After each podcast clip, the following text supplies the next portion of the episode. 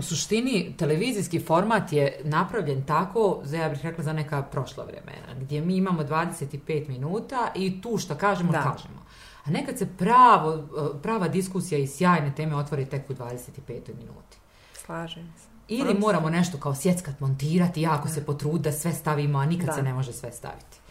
Ovaj, a, krenuli smo pričati o, o toj izloženosti. To mi je bilo vrlo ovaj, zanimljivo da sam vidjela uh, vas sa tadašnjim uh, šefom, predsjednikom stranke, uh, da stojite u Sarajevu na jednoj od glavnih ulica i zaista bez ikakvog obezbježenja, nekih autobusa, nekog folklora, razgovarate s ljudima.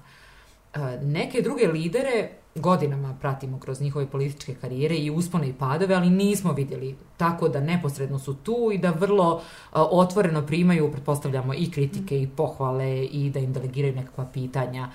Je li to najteži dio posla? Biti na ulici, razgovarati sa običnim građanima, mislim da smo svi obični, zato stavljam mm -hmm. navodne znake. Mislim da je to najbolji i najteži dio zapravo posla. I meni je fascinantno, zapravo Sarajevo je mali grad, a uh, ako poredimo je li ostale evropske prijestolnice, jedan od najmanjih. I mm, ja zapravo jako rijetko viđam druge političare uh, u gradu, na ulici. Viđam ih na pregovorima, viđam ih u parlamentu, viđam ih u hodnicima parlamenta i viđam ih gotovo isključivo na ceremonijama polaganja cvijeća koje su jeli, uh, e, režirane, organizovane, e, vrlo kratke, dođu i odu. Jeli. I to mi jeste pomalo fascinantno da um, zapravo srećete neke ljude, stalno srećem prijatelji srednje škole, sa fakulteta i tako dalje, ali ne srećem zapravo političare i mislim da to jeste problem, taj, ta otuđenost od konteksta I naša stranka, mi smo uvijek bili, ovaj, prije svega, iskreno da potpuno budem, radi se o nedostatku novca za velike kampanje, za zakupljivanje pola grada, billboarda, za organizovanje autobusa, ali generalno nismo, nismo ljudi koji organizuju tu vrstu skupova.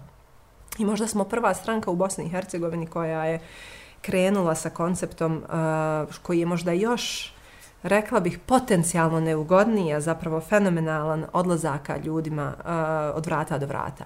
Pokucate ljudima na vrata, u jednom momentu smo to radili, uh, tadašnji je predsjednik naše stranke Peđa Kojević, sadašnji predsjednik stranke Edin Forte, ja i ljudi se iznenade, znate, u tom nekom terminu nakon posla između 5 i 6 pokucate im na vrata i kao, kao je li ovo skrivena kamera i zapravo najviše zatekne one koji su najveći kritičari našeg grada, jer su napokon imaju priliku da kažu šta nam sve zamjeraju, ovaj, a i opet su nekako iznenađeni našom neposrednošću i mislim da su to najuspješnije, rekla bih, posjete. Bez obzira da li uspijete promijeniti mišljenje nekom, mislim da je lako dehumanizirati osobu sa ekrana. Ako ja vas poznajem samo sa ekrana, mogu da projektujem na vas uh, i dobro i loše i da zamišljam sve najgore i sve najbolje o vama. Ja često kažem da su moji najveći kritičari i oni koji me najviše hvale u nekoj mjeri u pravu. Jeli, situacija je često siva, nije, ljudi su uglavnom ovaj, neka nijansa sive, a ne crni ili bijeli. Tako da ta vrsta suočavanja i sa istomišljenicima i neistomišljenicima, ja mislim, rehumanizira politiku. Ali je e, vrlo ranjivo biti ispred nekih ljudi koji e, komentarišu nešto što ste rekli, uradili, niste uradili, obećali, niste obećali. I koliko ja pratim uh, i vaš rad i, vaš, uh, i rad uh, naše stranke, vi često pričate o temama koje su zaista životne. A našom politikom ipak dominiraju teme koje su, rekla bih, dva nivoa iznad nekog svakodnevnog života i svakodnevnih izazova sa kojima se Mm. građani nose. I onda je zanimljivo, evo i kroz lokalne izbore, sjećam se da sam ispred zgrade ugledala nekakav e, pult, mladi ljudi su okupljeni okolo i oni dijele dvije ili tri vrste promo materijala. Prvo što mi je zanimljivo da ni na, jed, ni na jednom flyeru nije bila žena, bili su tri muškarce, vjerovatno su imali malo više novca jeli, za. Mhm za kampanju u tom momentu. I druga stvar, ja sam ih pitala, dobro, je li u vašem programu postoji ideja da se riješi, kod nas je veliki problem, bar ja mislim odvoz smeća, u, u centru Sarajeva se prelivaju raznorazne ovaj, tekućine i raznorazne količine određenih vreća, ne znam, a, a, nesretno spakovanih kutija, dijelovi namještaja i tako dalje i meni je to poražavajuće. I onda su oni rekli, mi nemamo pojma, kaže, mi samo dijelimo ovdje ove flajere. I to je tužno, jer meni treba neko ko ima pojma kome ja želim delegirati izazov, ko, kome želim i, i reći, ok, mi te plaćamo za, ne znam, taj taj odbornički status ili šta god bude funkcija, ali imaš negdje neku vrstu odgovornosti. Tu postoje neki ljudi koji žive u toj zgradi ili u tim zgradama i koji žele da se taj banalizujem odvoz smeća riješi. Ja sam prije ulaska u politiku radila na fakultetu i bila sam na nekom jeli, akademskoj putanji rada na doktoratu, rada na fakultetu, rada sa studentima i radila sam sa studentima i studenticama prve godine. Između ostalog sam predavala predmet koji se zove Uvod u bosansko-hercegovačku politiku. I, uh, mislim, politički sistem, ne, ne, ne politiku. I meni je, to mi je zapravo bilo na neki način, što se kaže, ali life changing iskustvo, mm -hmm gdje shvatite koja je diskrepancija, koja je razlika između tog sistema koji je jako kompleksan i zapravo interesovanja tih mladih ljudi o tom sistemu. Uh, I to su neki stvarno izuzetno inteligentni, odlični učenici koji su došli iz nekih od najboljih škola iz čitave Bosne i Hercegovine, koji dođu i koji na osnovna pitanja o političkom sistemu nemaju odgovor ne zato što su neobrazovani, nego zato što je on toliko nelogičan, da njima nije jasno kako je uopšte moguće sistem e, entitetskog glasanja, veta i tako dalje. I onda shvatite da na neki način mi je to bilo inspirativno za bavljanje politikom, da njih interesuju vrlo konkretne stvari o njihovoj kvaliteti života. I ja i naša stranka često smo bili smijavani kao stranka lokalnih tema, stranka kuca i maca i parkova i osnovnih škola. I desi se 2018. neočekivan rezultat, pozitivno neočekivan rezultat naše stranke gdje smo uh, osvojili šest mandata u federalnom parlamentu, dva i kasnije tri u državnom parlamentu i tako dalje, od čega su 63% žene.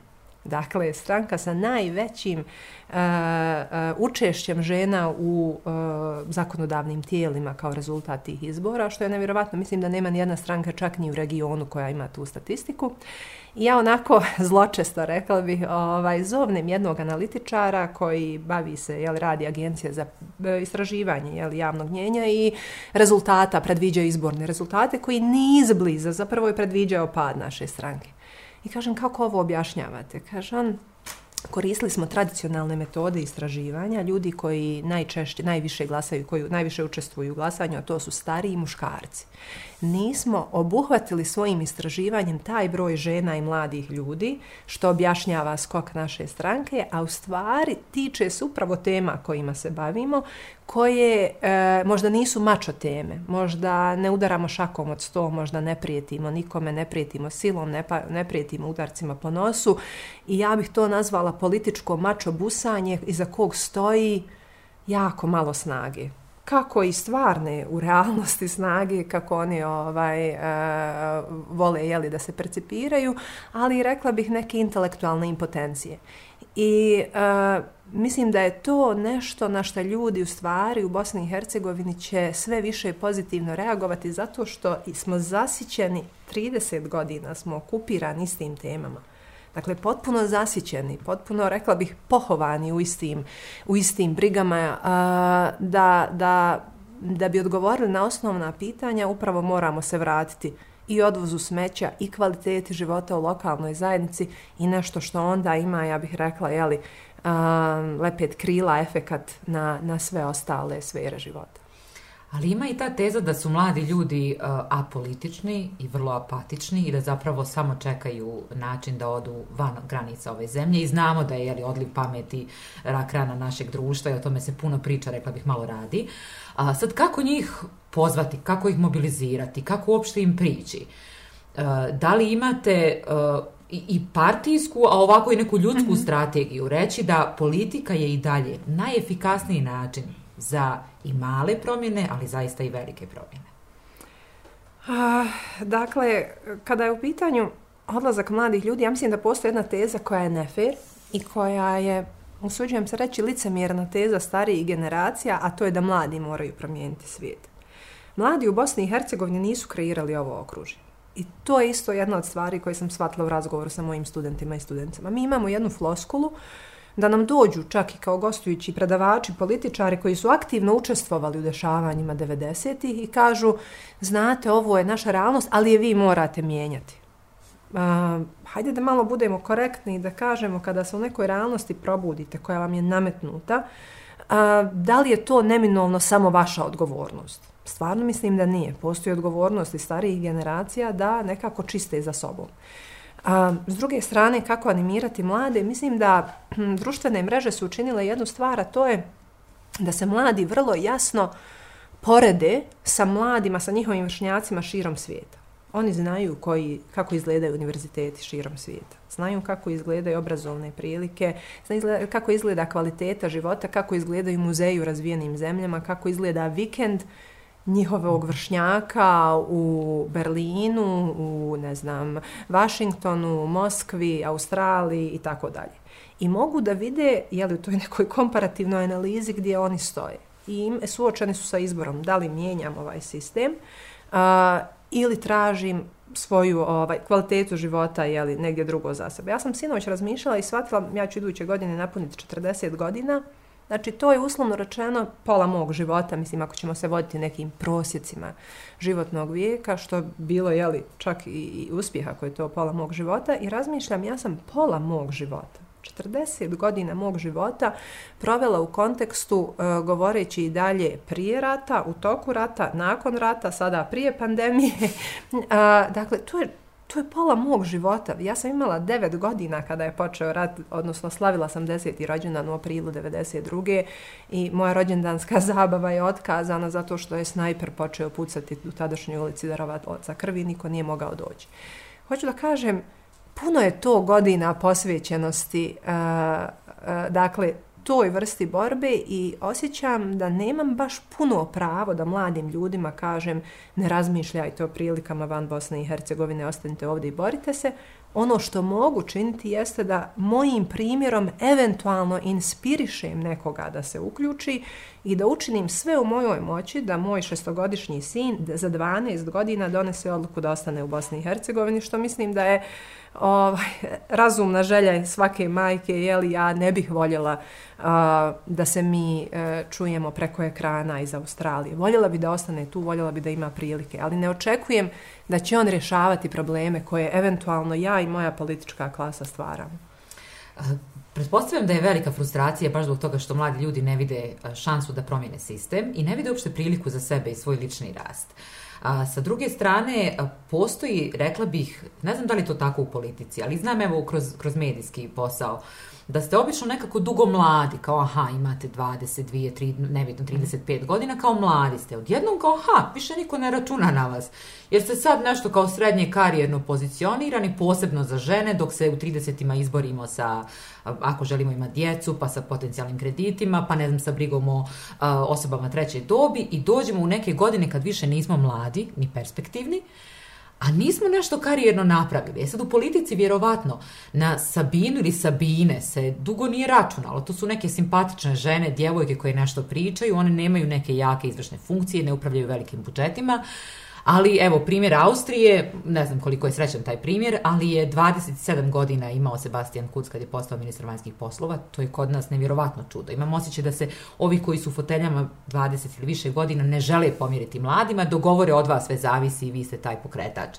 Mislim, kako promijeniti taj narativ? Usudimo li se kao društvo dati mladima zaista priliku? Sad kako ste to spomenuli, pomisla sam kako zapravo nijedan političar 90. i gotovo osim onih koji su direktno završili u Hagu, nije završio sa svojom političkom karijerom. E, starim muškarcima, političarima u Bosni i Hercegovini je gotovo nemoguće izgubiti karijeru. Uprko svim skandalima, svim optužbama, svim nevjerovatnim broju sudskih slučajeva. Dakle, e, iskreno ja da sam na mjestu premijera federacije, ja zaista iz nekog kućnog odgoja dok traje proces ne bih imala hrabrosti niti uslovno rečeno zaista obraza da se pojavim na sjednicama a, parlamenta ili da i dalje vodim vladu, da ne govorimo nizu drugih skandala gospodina Čovića i svih ostalih koji su bili terećeni za, za, različite, za različite pronevjere i zloupotrebe položaja. To je kao u horror filmu, znate, nekako imam osjećaj, kao kada se negativac tri puta diže, jeli, onda imaju nastavci, jeli, vrisak 1, 2, 15, 17, uvijek se vraćaju isti neki likovi. Dakle, kod nas je zaista fascinantna količina političke reciklaže istih imena. Uh, I ako nestanu privremeno, evo ih ponovo daju intervju o ratu. Uh, Um, tako da, kako ohrabriti mlade ljude, uopšte kako im ponuditi perspektivu učešća, mislim da demokratizacija počinje u političkim strankama. Ako vama nije jasan prohodnost puta mladoj ženi, mladom muškarcu, u bilo kojoj stranci, vrlo sam skeptična da ti ljudi se mogu, ako se ne mogu izboriti za sebe, odnosno ako im kontekst ne pruža tu podršku, da se mogu onda izboriti i za, i za širi društveni kontekst. Tako da, um, a s druge strane, evo, uh, mali prozor u optimizam, nas je više, nije ni 3 miliona stanovnika. Mislim, sa ovim odlascima mi smo negdje oko 2,9 miliona, ali evo zaokružimo recimo na 3 miliona.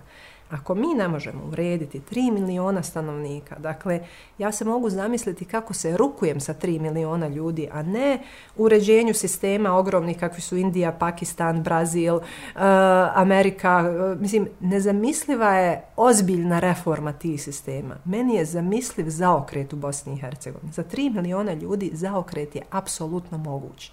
Treba nam iskra neke, ako ništa, male regionalne pobjede koja ima potencijal uh, potencijal da se širi. Nedostatak samopouzdanja koje žene često u tim procesima imaju, meni su recimo 30. zaista najteže za žene na neki način.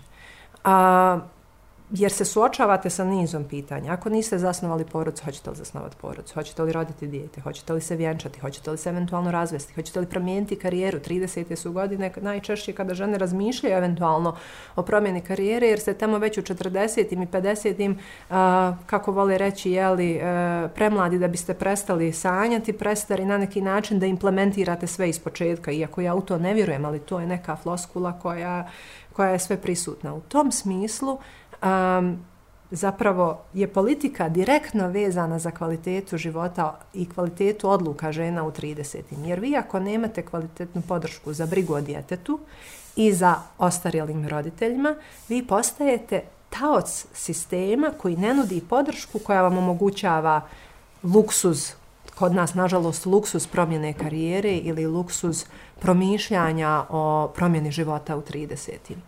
I mislim da su to, da često žene ne povezuju te koncepte. Nekako prihvataju zdravo za gotovo da treba brinuti o roditeljima, a, pored možda braće koja su tu, a koja to ne čine, i da je primarno, evo po svim statistikama u pandemiji, žene su preuzele 85% obaveza oko obrazovanja djece i kućanskih poslova. I povrh toga treba da jeli, karijerno napreduju. I da se možda angažuju politički. Tako je to ispada kao trošenje vremena. Tako je. Jer pretpostavljamo da u našim tradicionalnim okvirima, nebitno za koju ste partiju uh, vezani, se očekuje da žena ipak skuha ručak, spremi uh, djetetu za školu, sve što treba za vrtić, nema veze, da vodi računa o, o starim članovima porodice, uh, da se onda upristoji relativno, jel, jer i za to također treba vremena frizura, šminka da ispilate vaš, a, vašu garderobu i da onda eventualno odete na nekakav stranački sastanak, ne da je Bože na put, to već... Bavljenje politikom je za žene ogromni luksuz. I ja sam to shvatila um, kada sam kritikovala u jednom razgovoru moju mamu i rekla joj da ne prati politiku dovoljno a, da nije informisana, kako me možeš pitati ko je taj, taj šta se juče desilo, pratiš li ti vijesti, daj se angažu, informiši se, ne možeš tako. Onda sam shvatila licemjernost, zapravo a, razmaženost moje pozicije. U tom momentu je sa nama živjela, dakle, a, moja izuzetno bolesna nena. Moja mama imala posao, puno radno vrijeme. E, do te mjere je bila iscrpljena nespavanjem, konstantnom brigom e, za ženu, za moju nenu koja je bila nepokretna potpuno i u tom momentu već ovaj, patila od Alzheimera, da znači e, govorila mi o situacijama gdje dođe na posao i na njenom radnom stolu joj zvoni telefon, ona ga ne čuje, ne, ne, ne percipira ga od pospanosti, umora, rastrešenosti, brige, A, I sada ja toj ženi dočekam je kući koja je dakle radila od pola osam do četiri, dođe i preuzme brigu o neni koja traje vjerovatno sutra ujutro do pola osam i kažem joj a kako se nisi malo angažovala, kako nisi vidjela šta se u opštini dešava i tako dalje. Šta očekujem? Da u četiri ujutro čita opštinski budžet i ulaže amandmane. Hoću da kažem, luksuz je baviti se politikom ako nemate sistem podrške. I to a većina je, žena nema. A većina nema. Ja to uvijek kažem, ovo je, ovaj posao je nevjerovatna privilegija kojom se, nažalost, nemaju mogućnost baviti svi i radimo na tome, dakle, jedna od politika koja djeluje ljudima minorna, ali meni je najviše sam možda ponosna pored nekih uh, u našem mačo sistemu vrijednosti važnijih i krupnijih stvari koje sam uradila, jeste što smo ukinuli lista čekanja za vrtiće u Sarajevu, u Sarajevskom kantonu, jer uh, kao i svaka jeli, nova mama, provodite vrijeme u parkovima, razgovarate sa drugim mamama, savjetujete se i shvatila sam u jednom momentu, evo u parku koji je nekoliko metara odavde gdje snimamo, da većina žena sa kojima sam razgovarala je na listi čekanja za svoje dijete, neki i po dvije godine na listi čekanja za upis u vrtić i kako da očekujemo da traži posao i kako na kraju krajeva očekujemo da finansira sve to ako je recimo ulazna plata jako niska za srednju stručnu spremu i s druge strane ako će se upisati u privatni vrtić on je skuplji. I sistemom uvođenja finansiranja u istom iznosu, dakle privatnih vrtića ako ste na listi čekanja, skinuli smo ta jedan, ne kažem da smo riješili problem, ali jedan mali segment brige smo skinuli. Hajde sada da radimo na sistemu brige za stare i iznemogle kako bi neko čuo svoj telefon kako im zvoni na stolu jer je u stvari rasterećen. Tako da ja sam strogo protiv tih mitova da žene koje, da slavimo žene koje stižu sve, koje dokazuju da može i čitavu noć naspavati i sutra biti funkcionalna i slaviti to. Mislim, slaveći to mi na neki način očekujemo to. A to je, to je neodrživ sistem. Ja, ovaj, kada me pitaju kako sve stižete, ja kažem jednostavno ne stižem. Ma nema šanse.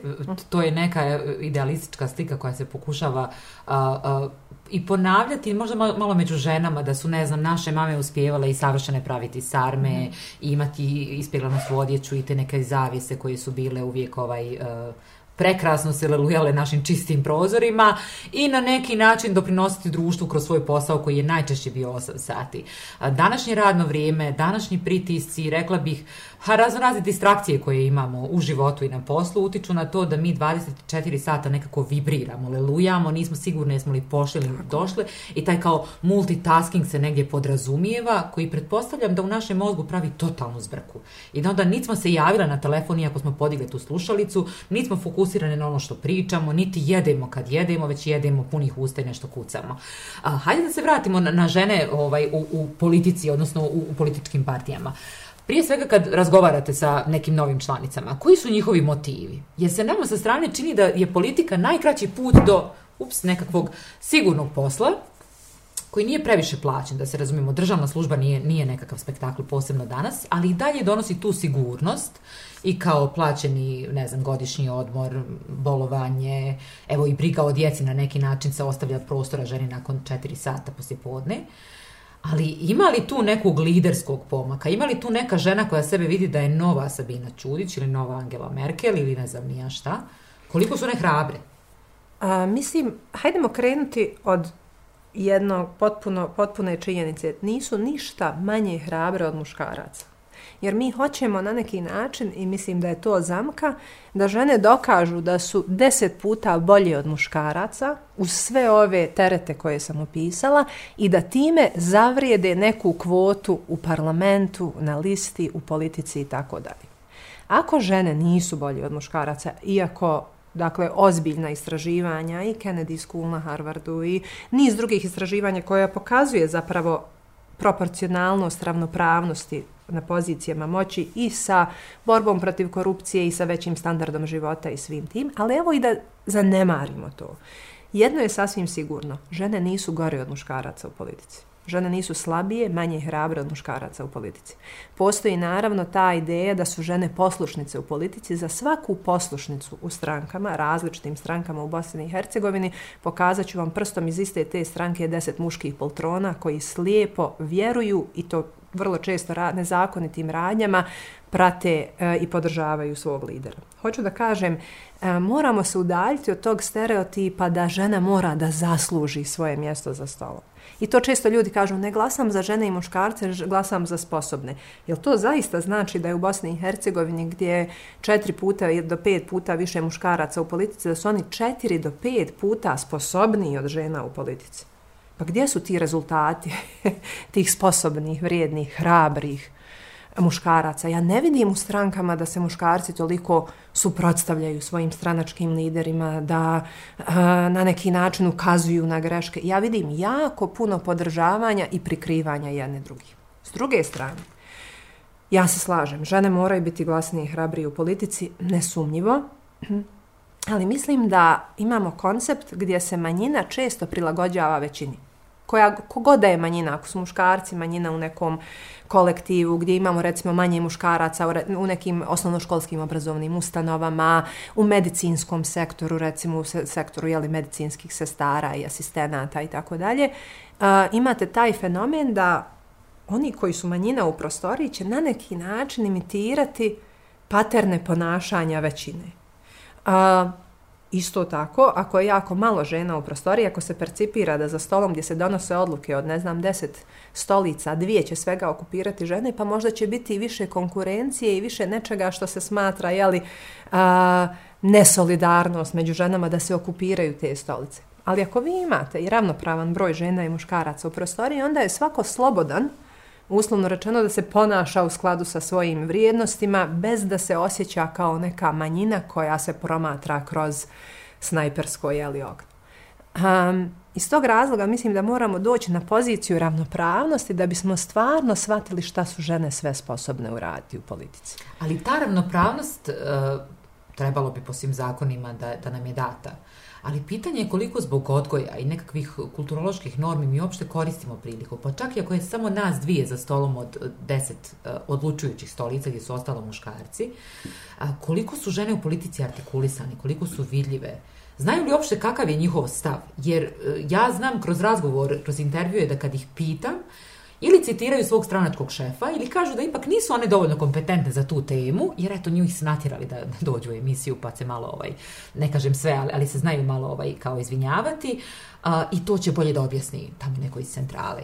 I onda me bude... A, prije svega nekako kao ženi mi bude žao što taj mikrofon smo zakačili za nekakav ženski glas koji nije kredibilan, koji sam sebi ne vjeruje. I s druge strane, kako je moguće da politička partija ne uloži u te žene? Kad ih već tu imamo, mm -hmm. ako su izabrane, jer i taj proces od, od e, dobijanja mjesta na listi do dobijanja mjesta u nekom uh, parlamentu ili nekoj drugoj uh, skupštini lokalnoj je vrlo bolan i vjerovatno dugo traje. Često sam radila i volontirala radeći sa ženama iz različitih političkih stranaka, pogotovo mladim ženama koje tek ulaze u politiku i prvo što ih pitam jeste ulaže li vaša stranka u vas? Da li, da li vas šalju na dakle, obrazovne jeli, neke aktivnosti, seminare, putovanja, e, da li ste među prvima na listi kada se šalju ljudi u Brisel na određene seminare, konsultacije, koliko će uložiti u vašu kampanju, da li znate gdje će biti vaši billboardi, da li ste dobili sredstva za vaša pisma ili sredstva za obilazak građana, organizaciju tribina, znate li uopšte gdje ćete biti na listi? I tu počinje problem. Problem zapravo počinje u strankama. Um, s druge strane, um, slažem se, slažem se da, da taj neki hronični nedostatak vjerovanja vlastitom glasu, mislim da dolazi i uh, sa sistemom vrijednosti koje cjelokupno društvo propagira. Evo, zamolit ću naše slušaoce ili gledatelje da zamisle uh, koje asocijacije im padaju na pamet kad kažu ona je jako ambiciozna i kad kažemo on je jako ambiciozan. On je jako ambiciozan, ima daleko primamljiviju, pozitivniju, prihvatljiviju konotaciju u društvu nego kad kažemo ona je jako ambiciozna. A, za Hillary Clinton, kada je bila kandidatkinja za predsjednicu Amerike, a, upravo je to bilo jedna od ključnih kritika usmjerenih ka njoj. I dan danas ako googlate Hillary Clinton ambiciozna, vidjet ćete taj broj rezultata u negativnom kontekstu, pa čak su se i knjige o tome pisali. Pazite, vi se kandidujete za najmoćniju političku poziciju na svijetu, koja podrazumijeva ogromnu količinu ambicioznosti. Dakle, nadnaravnu količinu ambicioznosti i vama se spočitava to što ste ambiciozni. Pritom je prva, dakle, e, demokratska kandidatkinja za, za predsjednicu u istoriji, pri čemu ne znam da je jedan kandidat u istoriji izbora, kako američkih, iskreno i tako širom svijeta, bio optužen za ambicioznost.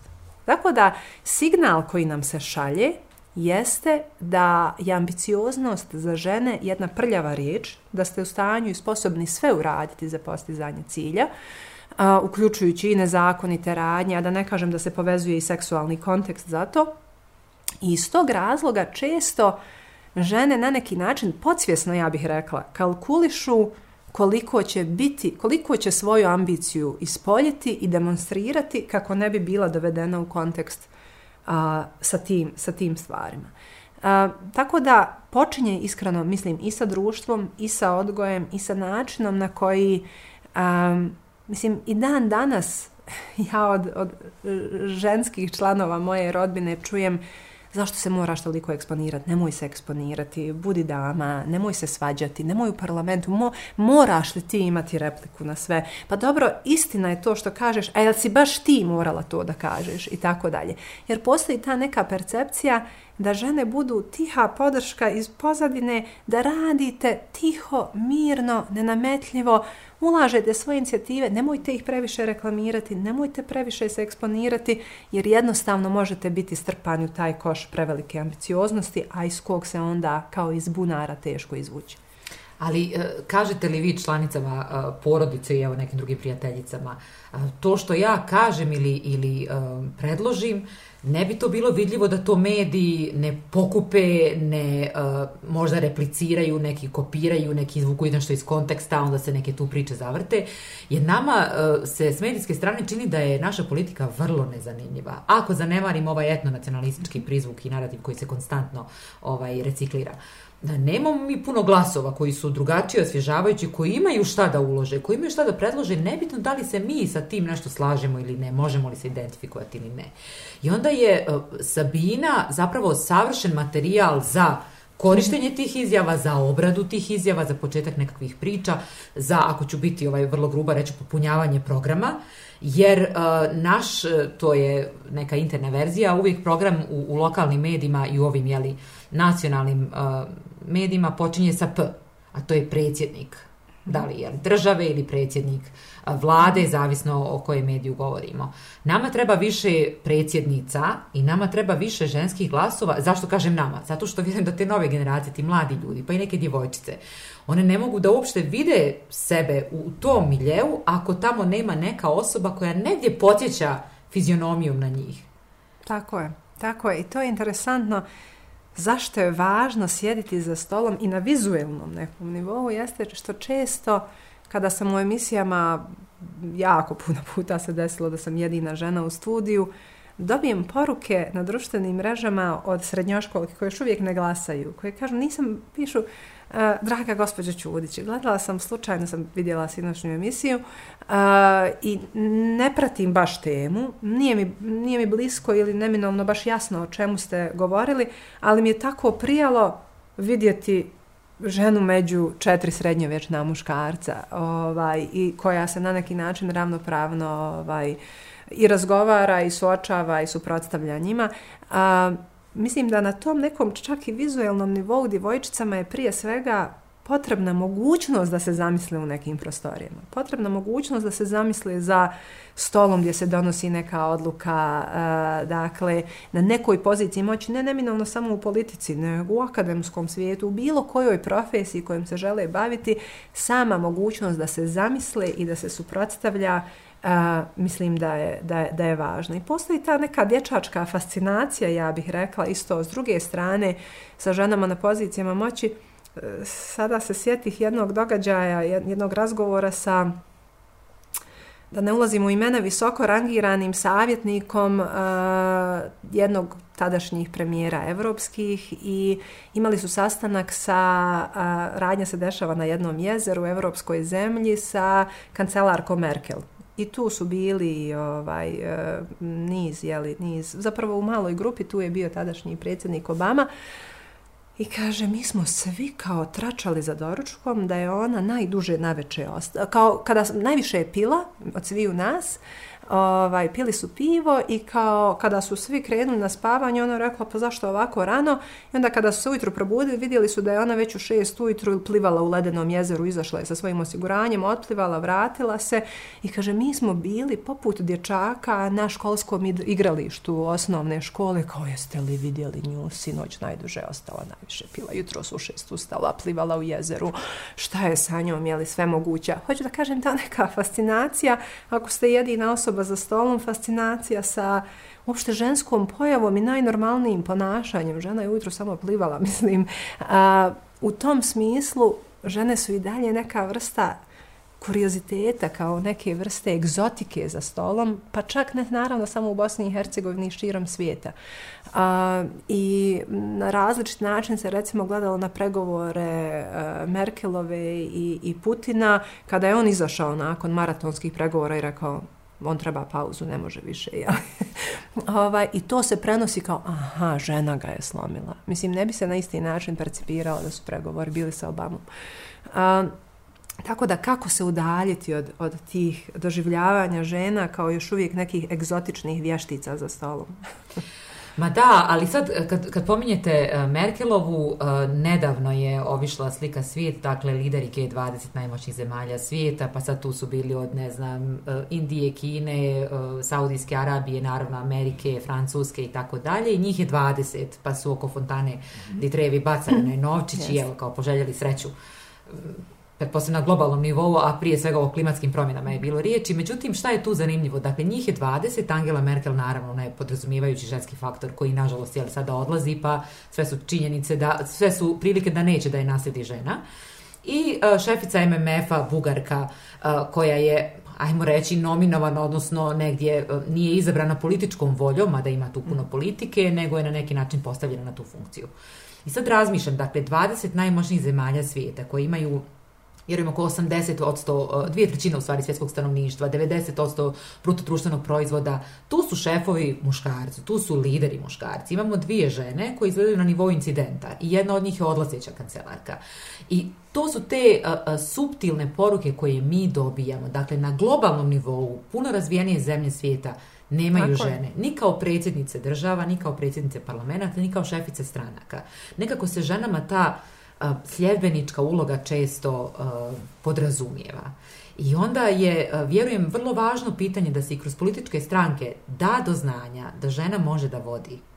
A posebno možda na lokalu da može da vodi, što je, vjerujem, još veći izazov neko kad već uspije da se karijerno i politički izbori za neku funkciju. Lokal tradicionalno je tradicionalniji i konzervativniji. Mislim, u malim sredinama a, to može biti velika prepreka ženama pogotovo gdje, pazite, vi što idete visočije, to ste na neki način, uslovno rečeno, i anonimniji. E, e mislim, ako vas bira čitava država, Uh, onda na neki način ili neki dio države, onda ste vi na neki način i abstraktnija figura. Vi kada ste na lokalu, vi ste izloženi e, napadima koji, sa kojima se ne sočavaju muškarci, vrstom tračeva, vrstom napada, vrstom, dakle, kada sam jednoj kolegici iz druge stranke sugerisala da izađe sa informacijama uh, o nezakonitim radnjama koje je otkrila, rekla je, ali uništit će me sa jednim naslovom koji će biti laž o tome s kim je spavala ili, ili na koji način je došla do informacija i tako dalje. Hoću da kažem, uh, prijetnje koje se dešavaju u političkom, uh, prijetnje diskreditovanja, nisu identične između muškaraca i žena koji je muškarac diskreditovan. Mislim, ima ih, ali u ekstremnim situacijama, uh, obično kada se vežu za maloljetnice ili tako nešto, koji je muškarac diskreditovan na osnovu svojih romantičnih veza i tako dalje. Eh, dakle, na neki način žene su na lokalu često ucijenjene mogućnošću te vrste raznih drugih oblika diskreditacije kako ohrabriti žene da na lokalu postanu imena i lideri. Često je to kroz nevladin sektor, gdje su već iskusile neku vrstu eksponiranja i onda to iskustvo iz nevladinog sektora žele prebaciti u vladin sektor, ali imate jednu poražavajuću statistiku da u zemljama u razvoju vrlo često žene zapravo obratan proces, ne iz nevladinog sektora odlaze u politiku, već upravo obrnuto okušaju se u politici i onda odlaze u nevladni sektor jer prema istraživanjima doživljavaju ga efikasnijim. Negdje gdje mogu brže napraviti promjenu. dok je politički sistem trom i zahtijeva tu vrstu konsenzusa gdje vi to je možda najporazniji dio politike. Vi predložite neki zakon, pa evo u slučaju da on prođe jedno čitanje, pa ide u nacrt, pa u prijedlog, pa prođe i to, pa onda odlazi u dom naroda, pa i vi se obeshrabrite u tom procesu mogućnosti promjene u jednom mandatu u smislu, uh, to je možda za mene bilo kao nekoga relativno politički neiskusnog, ja sam u politiku ušla prije deset godina, kada vidite koliko je to jedan dugoročan proces i onda možda se odlučujete za nevladni sektor. Tako da je lokal ključ, ključ za uh, pronalazak onih koji imaju, rekla bih, nažalost, dovoljno debelu kožu da se odupru jednom takvom, uh, jednom takvom diskreditovanju. Ali kada je u pitanju globalna situacija, ona nije puno bolja.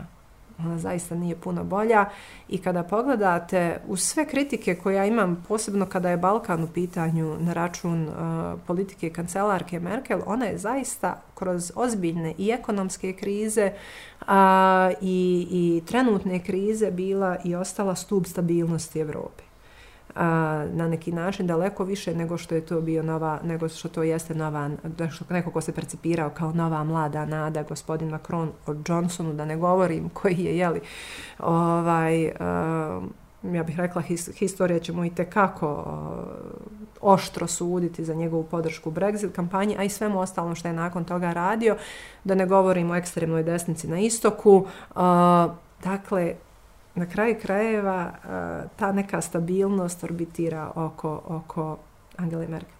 Ali ako se vratimo na Balkan, evo zanimljivo je da koliko pratim u, u Srbiji postoje, mislim, jednak broj ministarki i ministara i ne znam, premijerka je uh, žena, pa onda imao taj LGBTIQ uh, prizvuk. I koliko je to uopšte pomoglo ženama uh, za nekakva rodno odgovorna pitanja, za rodno odgovorno budžetiranje, za dodatne financije, da se poprave neke fundamentalne stvari, evo pristup zdravstvenim uslugama, Pričalo se nedavno jeli, o broju žena koje su tokom pandemije a, bile potpuno skrajnute sa listi čekanja za mamografiju, za nekakve a, preglede ili koje su zapravo onkološki pacijenti, pa nisu imali tu uslugu zato što je za boga pandemija. Pa onda o ženama koje su uopšte u zdravstvenom sektoru, a koje nisu ni specijalizantkinje, koje možda nisu ni, ni doktorice, koje nisu a, menadžerice, već koje predstavljaju 70% zdravstvenog tijela naše zemlje. E sad, šta tu uopšte ženama u politici znači ova, ova ženska tematika? Stavit ću kod mm -hmm. navodne znake, jer mislim, to je toliko sumanuto reći da je zdravstvo ženska ili da je obrazovanje Tako. ženska priča. Imate jedan problem u percepciji da, su, da bi žene trebale biti ideološki uniformisane. A to je naravno potpuno neistinito. Jeli, vi imate žena u republikanskoj stranci koja se po mišljenju jeli mnogi zapravo nije uh, iskazala u podršci ženskih prava. Imate žene koje su bile u nacističkoj stranci, imate žene i dan danas u Americi koje su članice Ku Klux Klana. Uh, ta ideja da recimo političarke poput Cvijanovićke ili poput Dušanke Majekić zato što su žene bi trebale da propagiraju politiku koja je liberalna, uh, je naravno na neki način e, svođenje žena na taj koncept žena, majka, kraljica, jeli, koja bi trebala da zagovara te teme. Te žene zagovaraju jednako. Marie Le Pen je ekstremna desničarka. Ona zagovara politike koje su, naravno, po mom mišljenju, apsolutno katastrofalne, kako po Francusku, tako i po čitavu Evropu. A, tako da, žene su ideološki pluralno ovaj pluralno stanovništvo, jel, pluralni građani koji zagovaraju različite ideologije. A, da li su one uspješne u tome? Mislim, evo, e, mi možemo govoriti da se brutalno ne slažemo sa njima, ali su one postigle neke uspjehe za svoje izborno tijelo. Dakle, za one koji smatraju da se treba postaviti bodljikava žica oko Europe, Marie Le Pen je njihova šampionka. Mislim, jeli, ovaj, S druge strane, e, i kada imate žene koje se zalažu za ova pitanja, mi zaboravljamo sljedeću činjenicu da te žene kada su na poziciji moći, i evo i žele zagovarati tu temu, e, one moraju uvjeriti evo u zakonodavnom tijelu 80% muškaraca. e, dakle, lijepe misli i namjere se e, ne prevode automatski u zakone, rješenja i tako dalje. Vi možete imati jako puno progresivnih politika, ali u konačnici e, ljudi odabrani od strane jeli, mase, odnosno od strane svih birača, donose konačnu odluku. Tako da vi možete biti i uvjerljivi koliko želite. Mi dok ne dođemo do kritične mase onih ljudi koji razmišljaju na ovaj način, a to nije samo posao politike obrazovnog sistema koji je naravno isto tako vezan za donošenje političkih odluka, da dođemo u poziciju da vam se ljudi ne smiju u parlamentu kada govorite o porodiljnom odsustvu, o kreativnoj industriji, podršci istoj, o freelancerima, o, a, dakle, mi ne baratamo sa osnovnim pojmovima kada govorimo o nekim stvarima. Ja zaista osjećam da mi nismo unutar iste paradigme a, većina mojih kolega u parlamentu i ja. Zaista, evo, bez želje da i na koji način umanjujem uz punu podršku, odnosno, evo, ljudsko opoštivanje a, njih i njihovih angažmana, na neki način mi razgovaramo različitim jezicima. Da, da, to su dva svijeta. To, to se zaista slažem. Znam da su neki analitičari o, o toj uh, ženskoj participaciji, uopšte ženama na poziciji moći, uh, da su ih klasifikovali kao udarne pesnice. Odnosno da imamo žensku figuru koja izgovara apsolutno jednake riječi uh, svom jeli, šefu partije ili nekakvom lideru u tom momentu i koja uh, prati taj utabanu tu stazu gdje biračko tijelo tačno to očekuje. Dakle, ona nema ništa drugačije, nešto individualno, nešto autonomno, što je donila sa sobom na tu, na tu funkciju. I onda je pitanje koliko je ta moć uh, stvarna, a koliko je ta žena tu popunila neku kvotu i kebanaja, a zapravo tamo se negdje odlučuje Vi imate dva pristupa uh, politici, ja bih rekla. Jedan je gdje ste vi ogledalo trenutnog političkog momenta i vaših birača. Dakle, vi ne vodite. Ja mislim da to nije vodstvo. To nisu vođe. To su, rekla bih, ogledala. I to je jedan od najinteresantnijih razgovora koji sam imala sa kolegom iz uh, stranke demokratske akcije, kada smo imali jednu, rekla bih, korektnu raspravu van parlamenta, u, u zgradi parlamenta, ali van, van amfiteatra, koji je rekao, ali Sabina, to od nas zahtijeva naše biračko tijelo i to su njihove vrijednosti. I uh, ja sam rekla, stanite, znači vi ne vodite, vi reflektujete.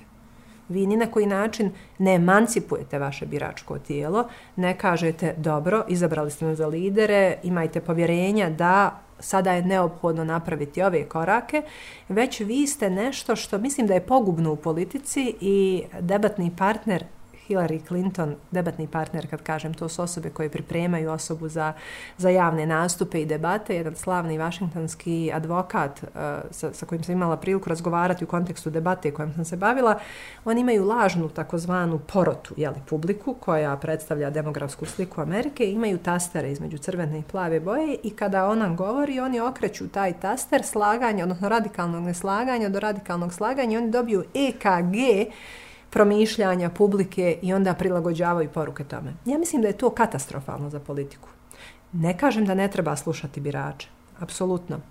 Ali je isto tako uloga vođa ili liderki da vode, jeli, da usmjere u nekom pravcu koji smatraju i da argumentuju i objasne svojim biračima zašto je on neophodan. Tako da žene koje opisujete najčešće dolaze iz stranaka koje zaista se samo tim i bave, da kažu najpopularniju misao dana, koja možda vodi u katastrofu i koja dugoročno nema perspektivu, ali tako smo došli u eksploziju populizma, gdje vi samo Uh, razumijete, ja se sad pripremim za ovu emisiju, saznam dovoljno o vama i samo vam govorim ono što vi želite da čujete i mi stičemo utisak da smo se lijepo ispričali, ali zapravo je to neki intelektualno incestozan odnos. Mislim, ne rađa se zdrava ideja, jeli? Ne, ne, ne proizvodimo ništa novo.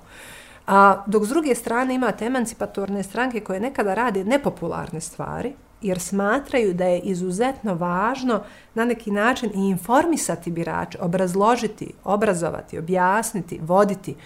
Uh, I to je zapravo, ja bih rekla, razlika između liderki i lidera s jedne strane i, i ogledala sa druge. Ali te poruke koje mi dobijamo putem medija, one stvarno nekad su ponižavajuće za, za tu biračku publiku. I rekla bih da se stalno recikliraju iste teme i na taj način se ponižava biračko tijelo koje ipak vjerovatno je, postoji naravno razno razne ovaj, uh, nivoji, ali ima tu a, ljudi koji su vrlo elokventni, Naravno. koji su vrlo obrazovani, koji su vrlo upućeni određene teme. I ako im uh, govorite o, ne znam, izgradnji autoputa na nivou djeteta od 4-5 godina, onda šaljete poruku da vam nije zapravo važno. Tako ne, je. Tako je, upravo to, upravo to. Dakle, e, često je politika, i to nije samo domaća, već i međunarodna, na jednom brutalnom nivou floskule gdje, pazite, vi sada možete opstati u političkom kontekstu gdje ja vama sada ponavljam uh, Demokratske vrijednosti su važne, eh, obrazovanje je važno, na mladima svijet ostaje, moramo ulagati u naše mlade. Dobro, to je, to je očito, to je, to je opšte poznato. A, kako? Kojim politikama? Kojim koracima?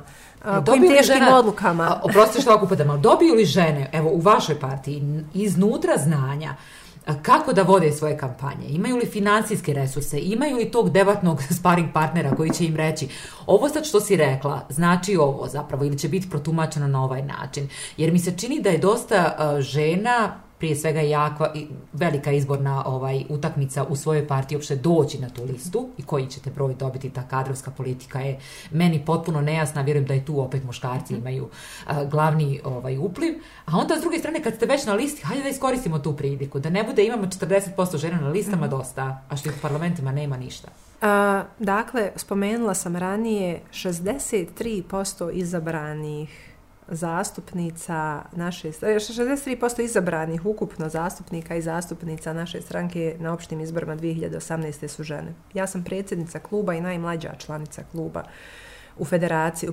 predsjedničkom domu parlamenta federacije. Nas je šest, od čega je pet žena i jedan muškarac. S druge strane, uh, E, to nije palo s neba. To nije ni malo slučajnost. I to ne znači da će se ponoviti ako vrijedno ne radimo da zadržimo to. Dakle, ta bitka uopšte nije dobijena niti u našoj stranci, niti u bilo kojoj drugoj stranci, rekla bih, na svijetu. Uh, ali može se nizom odluka proizvesti, evo recimo, taj rezultat. Prva odluka, imamo inicijativu 50% koja podrazumijeva da u svim ti organima naše stranke imamo ravnopravan broj žena i muškaraca. A, s druge strane, imamo dakle e, 50-50% na izbornim listama, imamo uh, inicijativu gdje i analiziramo i broj medijskih nastupa i žena i muškaraca. Uh, analizirat ćemo još strožije koliko se novca ulaže u kampanje kandidata i kandidatkinja. Hoću reći, nas je ušlo dvoje u državni parlament, čega su jeli jedna žena, jedan muškarac, pet žena na federaciji, jedan muškarac. Imali smo niz nositeljica lista, ali to nije, nije bitka koja je permanentno dobijena. Uh, obrazovanje, samopouzdanje, vježbe za medijski prostor, nastup, ali ne da maskuliniziramo žene, ne da kažemo evo kako treba šakom od sto i percepcija snage. Ja mislim da Bosna i Hercegovina primarno pati od velike razlike između busanja snagom i, i stvarnog stanja na terenu. Dakle, taj, taj, e, taj neki e, adrenalin e, našeg naboja, istovremenog kompleksa, rekla bih, superiornosti koji, koji nam se nekako usađuje, ali i inferiornosti da se ne osjećamo ugodno u vlastitoj koži, je ubitačan kako za dječake i djevojčice, tako je i za čitav politički, politički prostor. I ja iskreno, moj angažman i angažman naše stranke doživljavam kao emancipatoran za politički prostor jer uh, jednostavno kada dođete u federalni parlament i vide sliku nas, vide da se tu nešto drugačije dešava. Videla sam neki dan došla na sjednicu kolegija, šala je naravno bila, nije na koji način, ovo nije kritika kolegama, kasnila sam pet minuta i kažu, a kolegice Čuvić, taman smo se ponadali da nećete doći. Pa Možda kažem, vi donosite za sto nešto što mijenja atmosferu i što ne dozvoljava baš da pola sastanka prođe u seksističkim šalama, pošalicama, neradu i tako dalje i onda se stvara ta neka percepcija, aha, dobro, ovaj, ovi ljudi donose neke druge vrijednosti za sto i moramo se malo ozbiljiti i ja mislim da je to za čitav politički prostor emancipatorno svakako da je važno da se i slikom i tonom pravi pozitivni pomaci i u našem društvu se često zapravo prave odluke ili prave demokratske tranzicije negdje očekuju da su jeli, zatraženi ili naloženi od strane međunarodnih organa. I mi uporno gledamo ako OHR ili ne znam, američka ambasada nešto kaže, onda ima nade ovaj, za, za nas i naš uh, sistem koliko u tom nekom momentu su, koliko je međunarodna zajednica odgovorna. Jer kada dolaze zvaničnici iz, evo ne znam, State Departmenta ili iz Evropske unije, čini mi se da zovnu političke lidere koji su muškarci. Onda imamo opet te fotografije gdje su e, sve muškarci razgovarali o, o suštinski važnim temama, pa i o izbornom zakonu i ja se ponovo pitam gdje su tu žene i kakve su šanse da se glas uh, E, nekih žena koji su visoko pozicionirane političke, ali možda nisu predsjednice stranke, ipak čuje. Mi smo uspjeli, nešto što sam ja mislila da je nemoguće, a to je, mi smo uspjeli balkanizirati međunarodnu zajednicu. dakle, mi smo uspjeli njih ovaj, na neki način uh, privoliti da oni prihvate običaje, domaće običaje, a ne na neki način da možda mi prihvatimo neke evropske standarde. Uh, Meni je fascinantna brzinom, brzina kojom su se međunarodni zvaničnici prilagodili sastancima u kafanama. Mislim, pres konferencije gotovo iz restorana, dogovorom o staru u restoranu, pres konferencija u restoranu. Uh, istovremeno tvrdimo da smo državotvorni, te stranke koje tvrde da su državotvorni, da grade državu, da su im bitne institucije, da im je bitna Bosna i Hercegovina, da im je bitna integracija, drže sastanke van državnih organa i tim bukvalno rušite državu. Dakle, vi ako održavate tu vrstu sastanaka javno, držite preskonferenciju iz restorana, ne parlamentarne skupštine Bosne i Hercegovine, o kakvoj državotvornosti mi govorimo? A, I u tom smislu mislim da se, nažalost, međunarodna zajednica ugodno prilagodila tom sistemu i onda imate E, E, ne znam, kampa, online kampanje podrške ženama, ženskom poduzetništvu, ženama na pozicijama moći, ženama u politici, ja ne vidim da gospođa Turković u jednom momentu razgovara a, o ovim temama koje su trenutno ključne, a, vezano za blokadu države, vezano za... A, dakle, ne vidim ni da je percipirana od strane međunarodne zajednice kao sagovornica u svemu tome, ne vidim da putuje po svijetu i da lobira, mislim putuje, ali ne mislim da je Katar ključno mjesto gdje će se donositi odluke e, vezano za Bosnu i Hercegovinu. Hoću da kažem, e, taj tango zaista zajedno igraju domaći akteri i predstavnici međunarodne zajednice i mislim da im je lakše jer su shvatili i sad ću biti brutalno iskrena, shvatili su da imaju dovoljno materijala i da ucijene stranačke lidere uh, i da zavrnu laktove na neformalnim sastancima, a ne obraćanjem u parlamentu gdje bi morali uvjeriti ipak neke ljude koji imaju, ako ništa, taj izborni legitimitet da su ih izabrali uh, državljani. Tako da, um, nažalost, mislim da je i međunarodna zajednica vrlo često jako površna i floskularna, S druge strane, ne treba to sve u potpunosti relativizirati zato što statistike o ženskom učešću nesumnjivo jesu bolje u ostatku Evrope i um, dakle, mislim da se brže stvari kreću u, u pravom pravcu u odnosu na Balkan. Uh, ja sam uh, toliko važnih poruka čula i nekako mi se čini da uh, ta politička scena naša, koliko god nekad bila tumorna, siva, obeshrabrujuća, uh, a, postoje a, možda mali dijelovi tog mozaika koji na neki način pulsiraju, koji donose novu vitalnu energiju. I voljela bih da ovaj a, razgovor nekako završimo u tom tonu.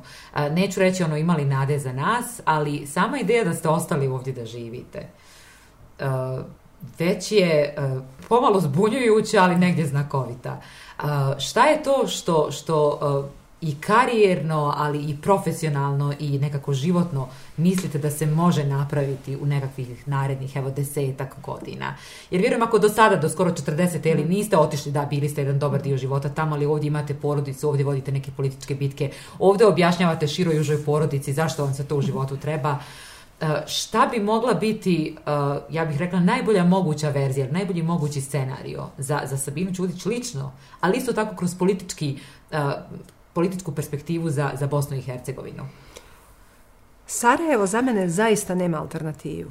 Ja nemam drugi pasoš, ja imam pasoš Bosne i Hercegovine, e, nemam ni teoretsku mogućnost da zamislim kako bi život negdje drugo permanentno za mene i moju porodicu izgledao I na neki način za mene je to također utrka s vremenom da ove omjere koje sam spominjala, da drugu polovinu života ne provedem boreći se jeli, za, za, za iste podjele unutar života na one prije rata, poslije rata.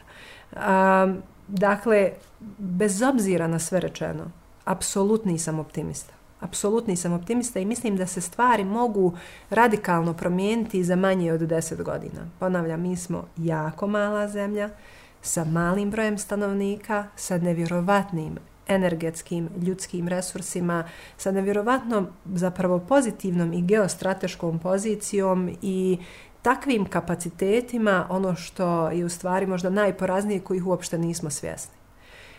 Preusmjeriti diskurs sa prošlosti i preusmjeriti diskurs sa profitiranja od traume i profitiranja od konflikta a, mislim, političkog konflikta, međustranačkog političkog konflikta, preusmjeriti taj diskurs, inspirisati mlade ljude, inspirisati zapravo sve generacije, jednako i muškarce i žene da se orijentišu ka budućnosti, za mene uopšte nije nezamisliv posao, on je meni realan i, i nešto radi čega ustajem iz kreveta svako jutro. Tako da, a, ponavljam, ovaj angažman nema alternativu, idemo do kraja.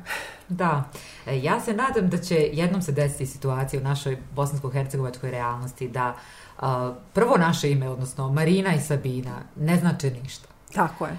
Tako je. Tako to bi je. bilo, znam da su Amerikanci bili fascinirani kao kako kao sad znaju, ne znam, nekakav religijski ili, ili uh, etničku pripadnost na osnovu imena obično se jeli za prezime na neki način može ovaj vezati ili ne znam izgled u američkom društvu je li to može da ali percipirati raznolikost tih imena kao ogromno bogatstvo Men, ja sam ja, ja sam stvarno sretna što će moj sin znati pisati i čitati latinicu i ćirilicu. Ja sam sama naučila da pišem arapsko, e, da čitam i pišem arapsko pismo. Uh, njegov otac govori albanski. Hoću da kažem, percipirati i te različitosti ne kao prepreku, već kao jedan ogromni potencijal Bosne i Hercegovine i da ta raznolikost zapravo nije ni na koji način uh, uh, zapravo, mislim da je to temeljna stvar Bosne i Hercegovine. I bez te raznolikosti nema Bosne i Hercegovine. Hvala lijepa za ohrabrujuće poruke, za optimizam i za neumoran rad. Hvala vama. Hvala vama.